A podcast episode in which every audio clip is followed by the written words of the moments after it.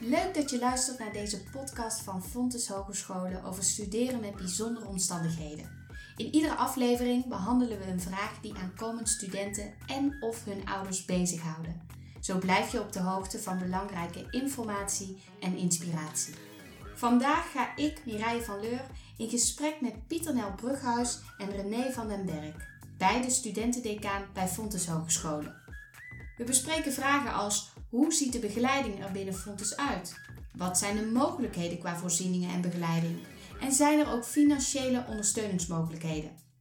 Zet je schrap voor een overload aan nuttige informatie, tips en adviezen. We gaan beginnen.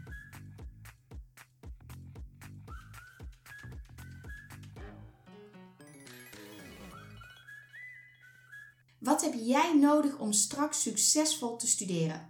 Heb je bepaalde aanpassingen nodig? En houdt jouw nieuwe school hier rekening mee?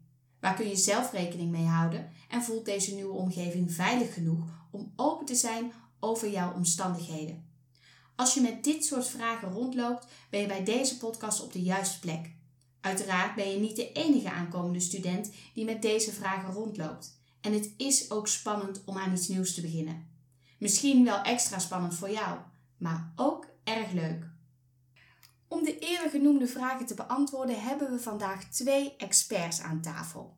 René en Pieter Nel zijn studentendecanen binnen Fontes Hogescholen en samen met andere studentendecanen en studentenpsychologen begeleiden zij studenten die studeren met bijzondere omstandigheden. Hierbij kun je denken aan bijvoorbeeld een functiebeperking, psychische klachten, een chronische ziekte, topsport, ondernemerschap of een situatie in de persoonlijke omgeving. Daarnaast geven zij diverse trainingen voor studenten, zoals omgaan met perfectionisme, faalangst en mindfulness. Studenten kunnen ook bij een studentendecaan terecht als zij een voorziening willen aanvragen bij Duo. Heb ik dat zo uh, mooi uitgelegd, Pieter Nel en René? Keurig. Ja. ja, helemaal goed. Pieter Nel, is een decaan in het uh, voortgezet onderwijs en het MBO hetzelfde als een decaan bij Fontes? Nee, nee, er zit echt wel een verschil tussen. Daarom gebruiken we ook het woord studentendecaan, juist om dat verschil beter aan te geven. Een studentendecaan uh, houdt zich echt bezig met begeleiden van studenten die studeren met bijzondere omstandigheden, waar een decaan in het voortgezet onderwijs bijvoorbeeld veel meer gericht op, een, op het studiekeuzeproces. Ja. Um, en natuurlijk kan die persoon ook wel studenten begeleiden, maar het is echt anders ingericht. Uh, en dat geldt ook voor het MBO. Daar hebben ze ook decanen. Maar dat is net allemaal anders ingericht. Dus het is wel belangrijk om, te, om je te realiseren, een studentendecaan, daar ga je niet naartoe als je een studiekeuzeprobleem hebt. Wel natuurlijk als je studeert met bijzondere omstandigheden, mhm. waar we het vandaag ook over hebben. René, zijn er veel studenten binnen Fontes die studeren met bijzondere omstandigheden? Nou, best wel wat. Als wij zo eens kijken naar uh, de afgelopen jaren, zien we dat zo'n 40% uh, een bijzondere omstandigheid heeft. Er zijn natuurlijk allerlei verschillende soorten omstandigheden. En um, daar kun je bijvoorbeeld denken, hè, wat je ook al zei, aan, aan uh, functiebeperkingen als ADHD of autisme. Maar ook psychische klachten. Maar wij spreken ook studenten die bijvoorbeeld topsport uh, doen. Of een eigen onderneming hebben. Het is behoorlijk breed. Maar niet iedereen die, die hè, um, een, een bijzondere omstandigheid heeft, komt dat melden of heeft daar last van.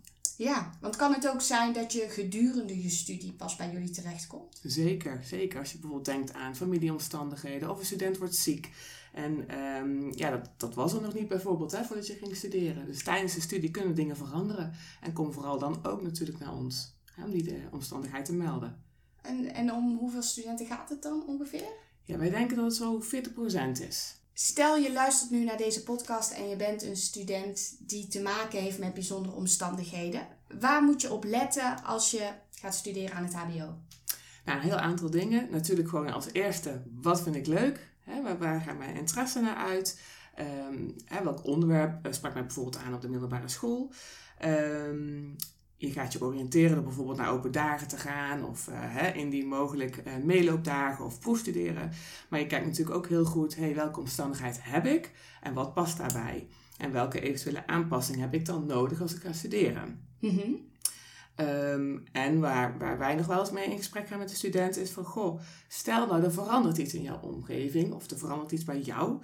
Um, lukt dat studeren dan nog steeds? Hè? Dus kijk naar de opleiding die bij jou past, maar ook jouw omstandigheid daarbij. Oké, maar als je dan als student naar deze open dag gaat, kan ik al mijn vragen dan stellen? Ehm, vind, ik daar de, vind ik daar alle antwoorden?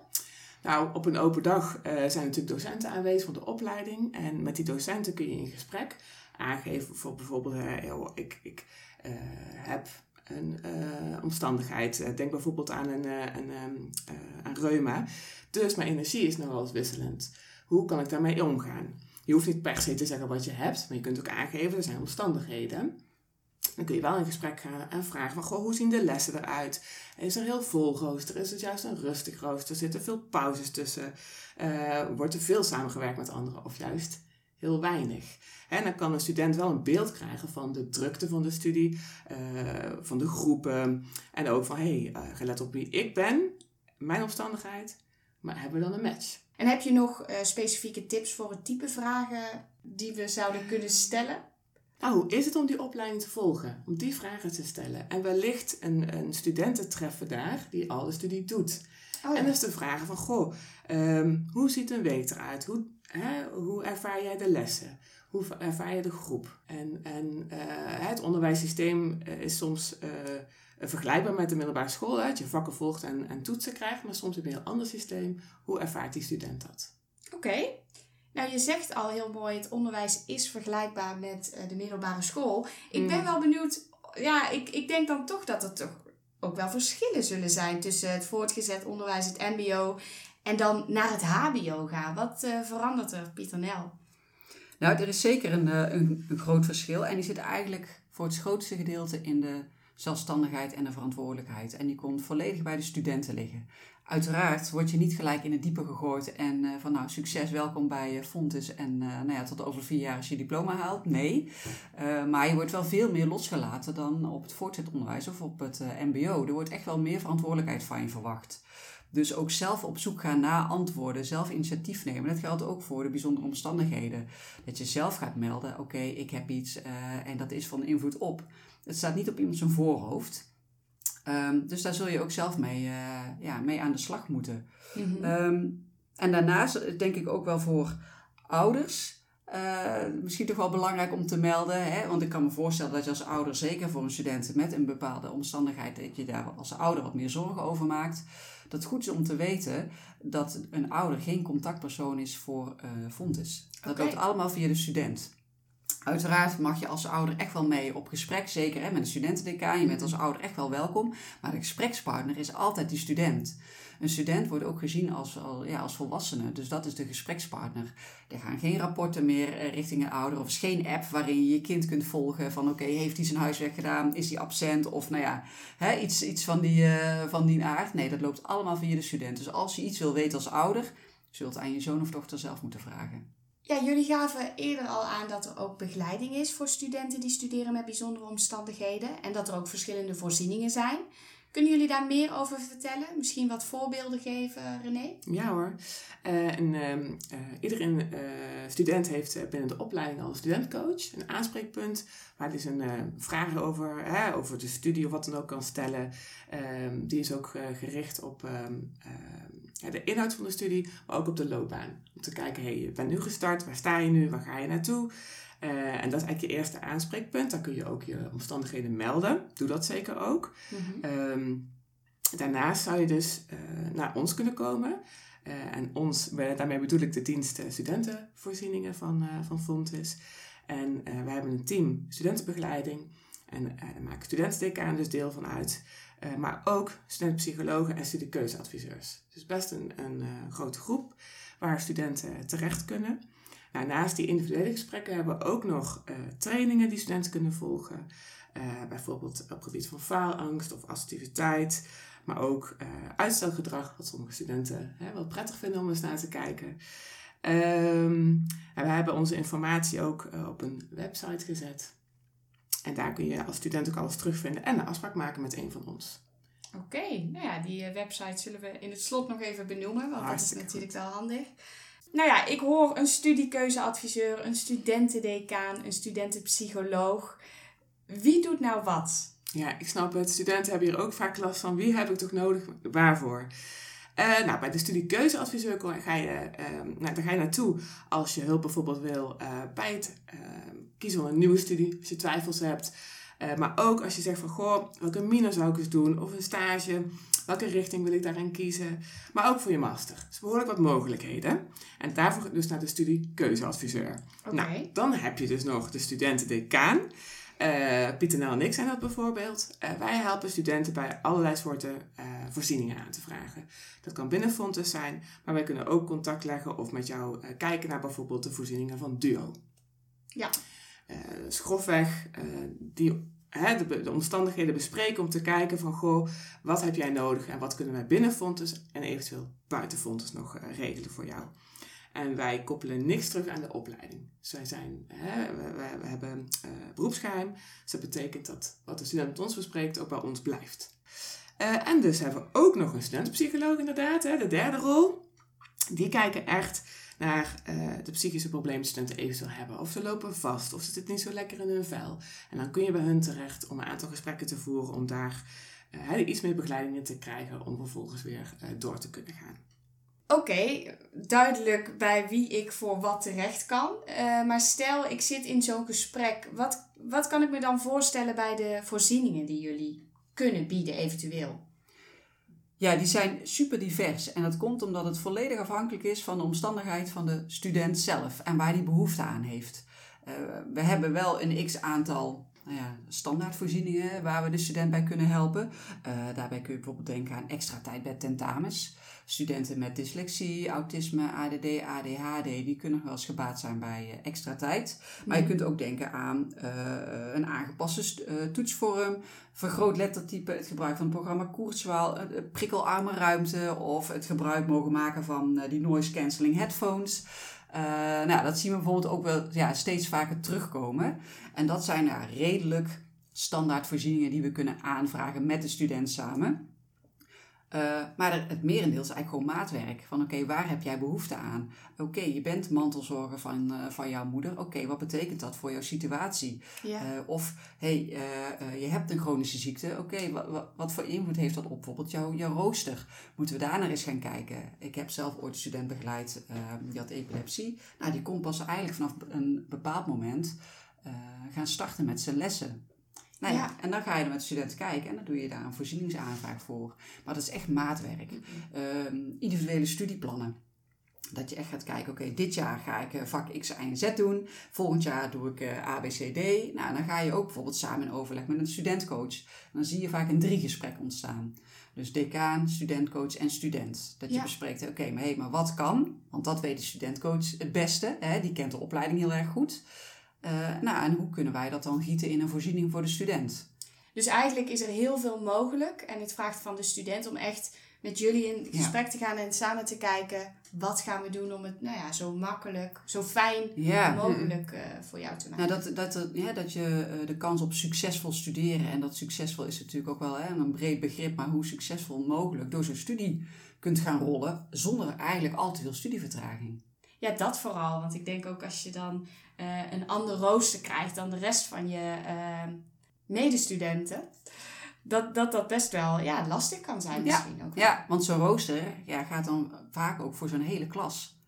Ja. Die gaan daar gewoon mee. Die hele klas van, nou, het voorbeeld bijvoorbeeld ik net gaf, ja, die start pas bijvoorbeeld om half tien met lessen in plaats van half negen. Ja. En dat geldt dan voor zo'n hele klas. Ja, nou ja, goed om te weten dat die mogelijkheden er wel zijn en dat je er ook niet alleen, alleen voor staat als nee. student. Nee, daarom maak, maak echt gebruik van ons, want we kunnen met je meedenken. En denk niet van, oh, dat zal wel niet kunnen, uh, of dat is een hele gekke vraag. Nee, gooi het er maar uit. Ja. ja. Want jij kent als student je eigen omstandigheid het beste. Ja, precies. Want niet iedere ADD'er of ADHD'er is hetzelfde.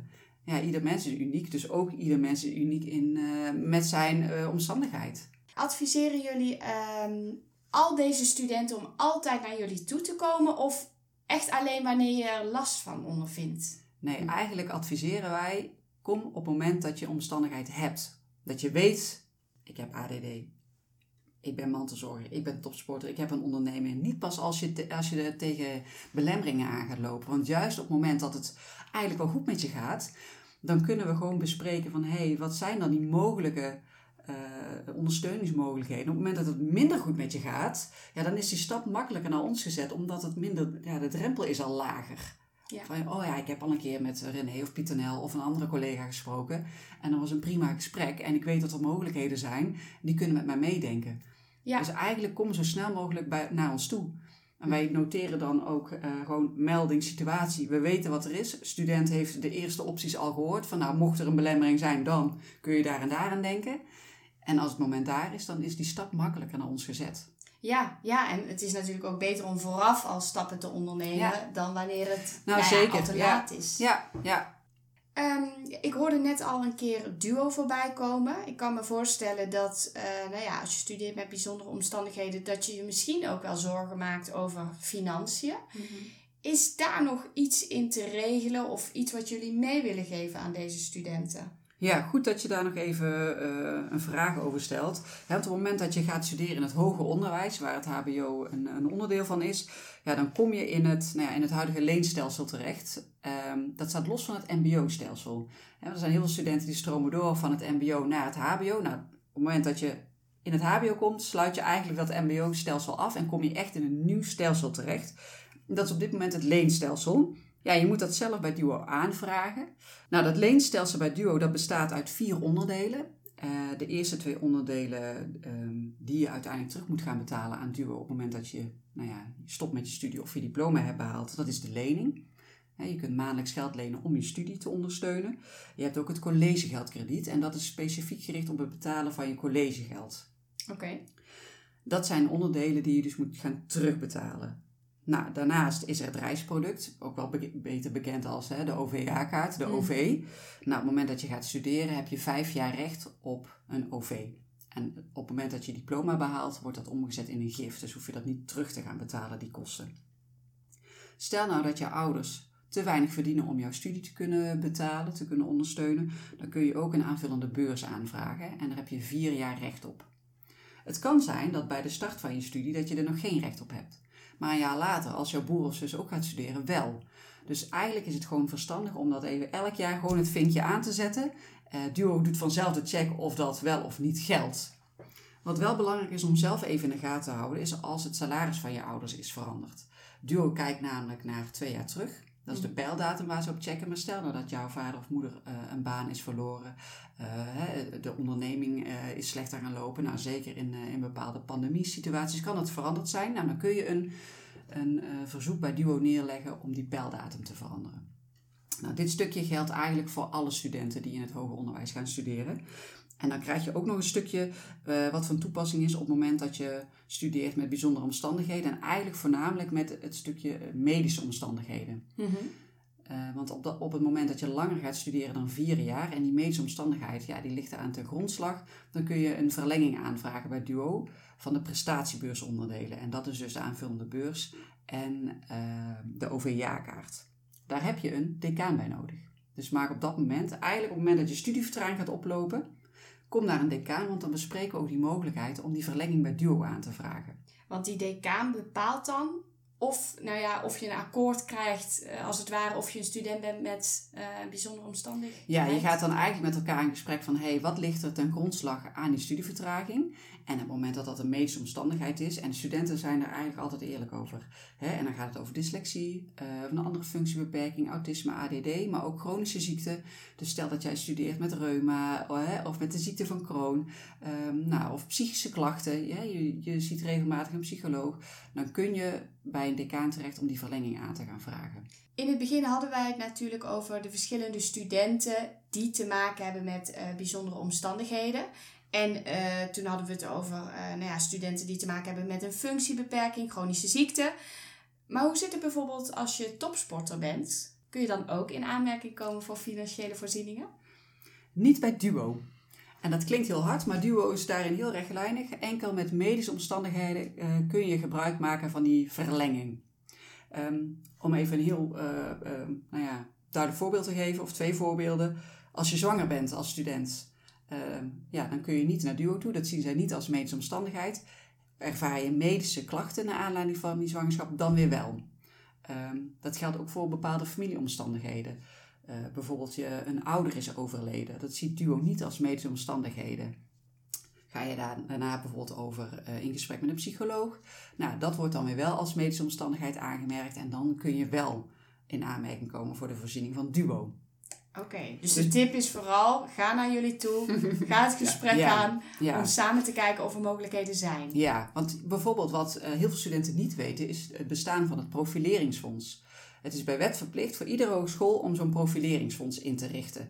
Maar iedere hogeschool bepaalt daar ook weer zelf hè, de kaders voor en beheert dat potje eigenlijk. Ehm, en daar kunnen studenten wel gelijk terecht op het moment dat er familieomstandigheden zijn. Ehm, hè, dus ehm, nou ja, het voorbeeld net van de zwangerschap of van de overleden ouder, ja, daarvoor kunnen zij wel direct naar het profileringsfonds. Ook dat doen ze met begeleiding van een studentendecaan. We hebben net ook even gehad over de ondernemer bijvoorbeeld. Nou, de ondernemer die kan het beste naar het Centrum voor Ondernemerschap gaan, omdat daar de begeleiding ook plaatsvindt. Oké, Ehm, dat zijn al best wel veel eh, nou ja, mogelijkheden die je noemt. Is er nog meer? Ja, ik wil eigenlijk nog twee dingen benoemen eh, die wellicht niet bij iedereen ook bekend zijn. En dat is eh, de individuele studietoeslag die je bij een gemeente kunt aanvragen. Op het moment dat het jou niet lukt vanwege jou eh, en eigenlijk alleen maar bij de medische omstandigheden, dat het je niet lukt om een bijbaan te hebben, zodat je jezelf ook kunt ondersteunen om je studie te, eh, te kunnen betalen, dan kun je bij de gemeente eh, kijken of je in aanmerking komt voor de individuele studietoeslag.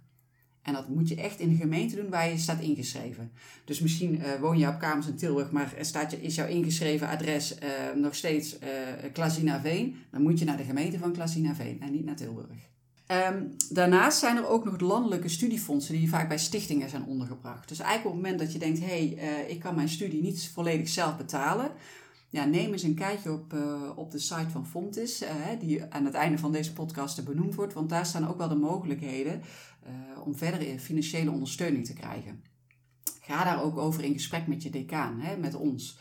Want wij kunnen daarbij samen met jou kijken, joh, welk, ja, welk fonds of welke stichting eh, zou je wellicht aan kunnen schrijven voor die financiële ondersteuning. Ook voor studerende moeders is er gewoon heel veel, alleenstaande ouders. Dus echt, kom naar ons toe, want wij kunnen daarover gewoon met je meedenken. Het is gewoon nu te veel om die allemaal op te gaan dreunen, want Ja. daar hebben we het echt wel over 80 fondsen of zo. Zo, ja. Uh, maar die heel specifiek zijn. Dus kom echt naar ons toe, ga met ons gesprek aan en dan kunnen wij echt met jou meekijken ja, welke financiële ondersteuningsmogelijkheden er zijn. Kom op tijd, dat is wel echt de tip. Profileringsfonds bijvoorbeeld, daarvoor moet je echt op tijd zijn. Als jij ehm, ehm, daar te laat met je verzoek aankomt, dan kan het zomaar zijn dat ze zeggen, ja weet je, ehm, ja, dit kunnen wij niet meer in behandeling nemen. We gaan het wel bespreken, maar dan krijg je, de grote kans is dan dat je een nee krijgt. Dus kom op tijd. Op het Ja. moment dat je vertraging oploopt, kom naar een decaan toe. Oké, veel informatie, veel nuttige informatie vooral. Voordat we deze podcast afronden, hebben jullie misschien nog laatste concrete tips voor luisteraars? Eh René, mag ik bij jou beginnen? Ja, natuurlijk. Ehm, ik denk een van de belangrijkste dingen is dat je eh, op tijd meldt dat je een omstandigheid hebt. En daarbij kun je denken aan de volgende volgorde. Je hebt natuurlijk eh, je studiekeuzecheck een keer gehad hè, in aanloop eh, naar het studiejaar toe. Daar kun je het melden. Eh, daarnaast heb je natuurlijk een gesprek met je studentcoach in de eerste week, eerste, tweede week, hè, zo, ehm, eh, om kennis te maken. Dan kan je het melden en kom dan naar de studentendecaan. Meld je omstandigheid. Misschien wil je meteen een voorziening aanvragen, misschien niet, maar dan weten wij in ieder geval dat het speelt. En dat vinden we heel fijn. Daarnaast, eh, stel dat jij tentamentijdsverlenging eh, zou willen aanvragen, ben dan ook snel, hè? want de tentamens, voor je het weet, zijn ze er al. En die voorziening aanvragen, dat kost altijd even tijd. Eh, dus als student, eh, onderneem actie. Want ja, het is jouw studie en jij hebt de regie, hè? dus eh, kom bij ons langs.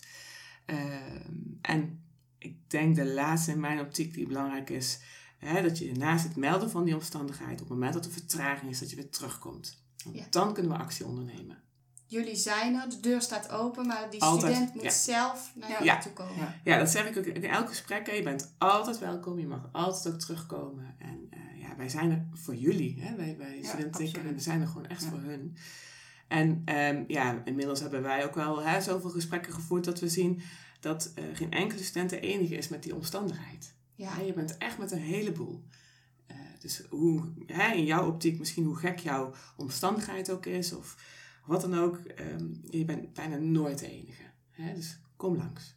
Oké, Pieter Nel, nog aanvullingen? Nou, ik, eh, volgens mij is eh, René wel, eh, wel mooi compleet geweest. Eén ding denk ik alleen nog, is dat je weet als student dat je dus recht hebt ook om die voorzieningen aan te vragen. Ehm, Ja. Dus dat je niet denkt, ik ga iets heel geks aanvragen of dat zal me niet kunnen of mogen. Nee, je hebt echt het recht om het aan te vragen. Dus maak gebruik van het recht en eh, ja, kom naar ons toe. Wij vinden ons werk superleuk, Ja. dus maak er gebruik van zou ik zeggen. Ja. Ja, precies. Zo snel. Ja, ik eh, wil jullie bedanken voor al deze nuttige informatie. Graag gedaan. Hartstikke goed. Heb je na het luisteren van deze aflevering vragen? Ga dan naar fontes.nl slash fonteshelpt. Op deze website kun je ook meteen een afspraak maken met bijvoorbeeld een studentendecaan. Vond je dit een leuke aflevering? Abonneer je dan op onze podcast of laat een review achter. Voor nu bedankt voor het luisteren en tot de volgende keer.